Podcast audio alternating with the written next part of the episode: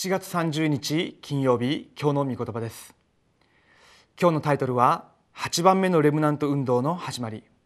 聖書の箇所は詩編23編1節です。主は私の羊飼い私は乏しいことがありません。なぜダビデが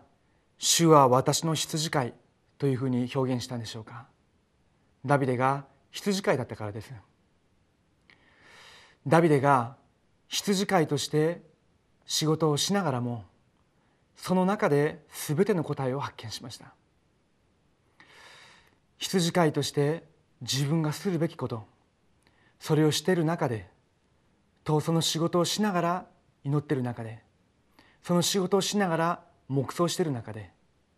神様が全てのことを準備されていました。私たちは自分自身の今の環境自分自身の今の現実から離れたいというふうに思うことがあるかもしれません。ですけれども7人のレムナンたちを見てみると自分が今置かれているその状況の中で全ての答えを探し出しました。8番目のレムナントである皆さん一人一人が今日自分が置かれているその現場で私自身に備えられている全ての答えを見つけ出して自分の当然するべきことそれをしているようになると必ず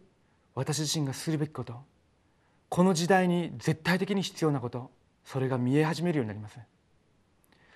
それを利面契約として握って祈って挑戦していくときに7人のレムナントに起きた神様の宮座が皆さん一人一人の現場にも起きるようになりますそのような私の皆さんの歩みとなるように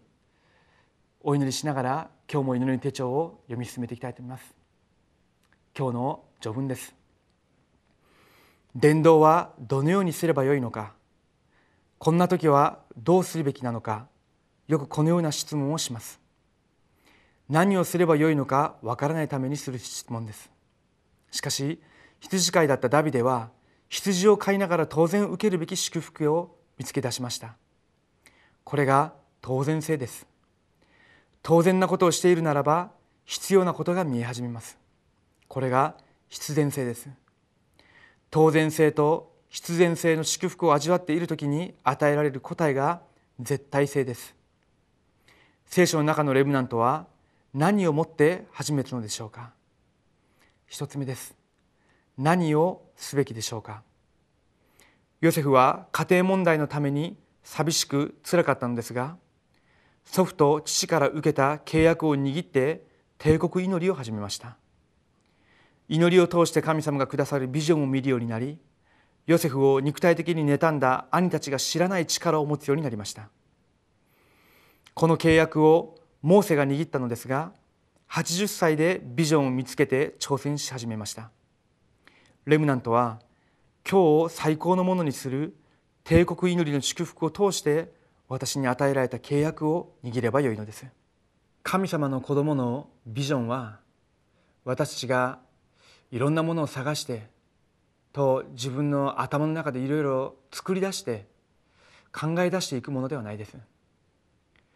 帝国の祈り祈りの中で神様から与えられるものです。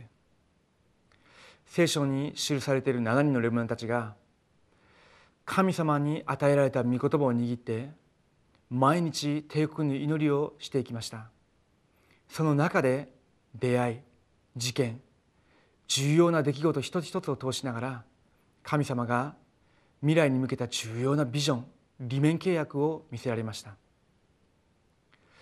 日本の福音化世界福音化をする私と皆さんに神様が重要なビジョンを持ってそれをすでに今も見ていらっしゃいます。それを私のものとして引き寄せて確認することができるのが帝国の祈りです。今日からまた新しく帝国の祈りに挑戦していただきたいと思います。では2つ目です。時刻表が来るようになります。帝国祈りを通して今日を最高のものとするならば確かな神様の時刻表が来ます。福音を握りビジョンを発見する祈りの中にいるダビデに時刻表が来ました。契約を握って祈る中で王として選ばれて獅子と熊に打ち勝つ力も得ました。私たちは祈りの中で準備していれば大丈夫です。神様は準備された人を用いようと待っておられます。私が帝国の祈りを通しながらと現場で常時の祈りをしながら神様の時刻表が来るのを待てばいいです。特に私のいるその現場に対する伝道の時刻表をよく見ながら継続して祈ることです。それが目の前のことだけを祈っているように見えますけれどもそうではないです。それが全部未来とつながってますし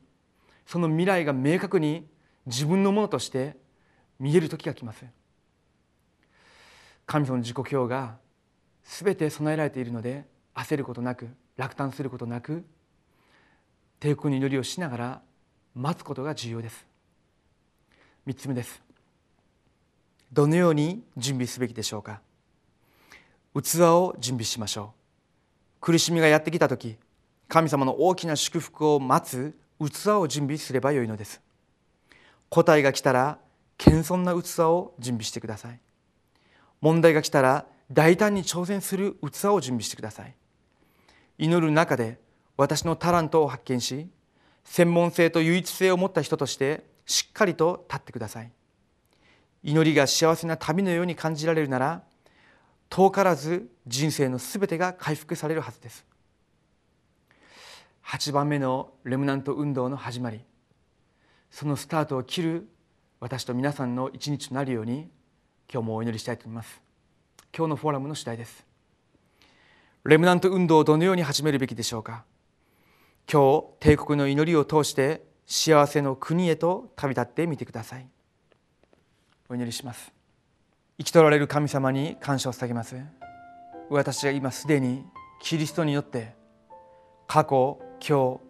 未来すべての問題が解決されたことを感謝します。これから帝国の祈りを通しながら神様が私の人生に持っていらっしゃる計画神様が私の人生を通して成し遂げようとしていらっしゃるそのビジョンを発見させてください。現場を置いて自分自身を置いて未来に向かって祈っていく中で神様の時刻表を自分自身の生活の現場の中で確認できるように私の霊の目を開いてください。その中で私たちが自分自身の器を準備することができるように自分自身の更新することができるように精霊で私に悟りを与え導いてください。8番目のレムナント運動の始まりとして主が私と召されたのでこの御言葉がそのまま私たちに成就する一日となるように今日を祝福してください。生きておられるイエス・キリストの皆でお祈りします。アーメン。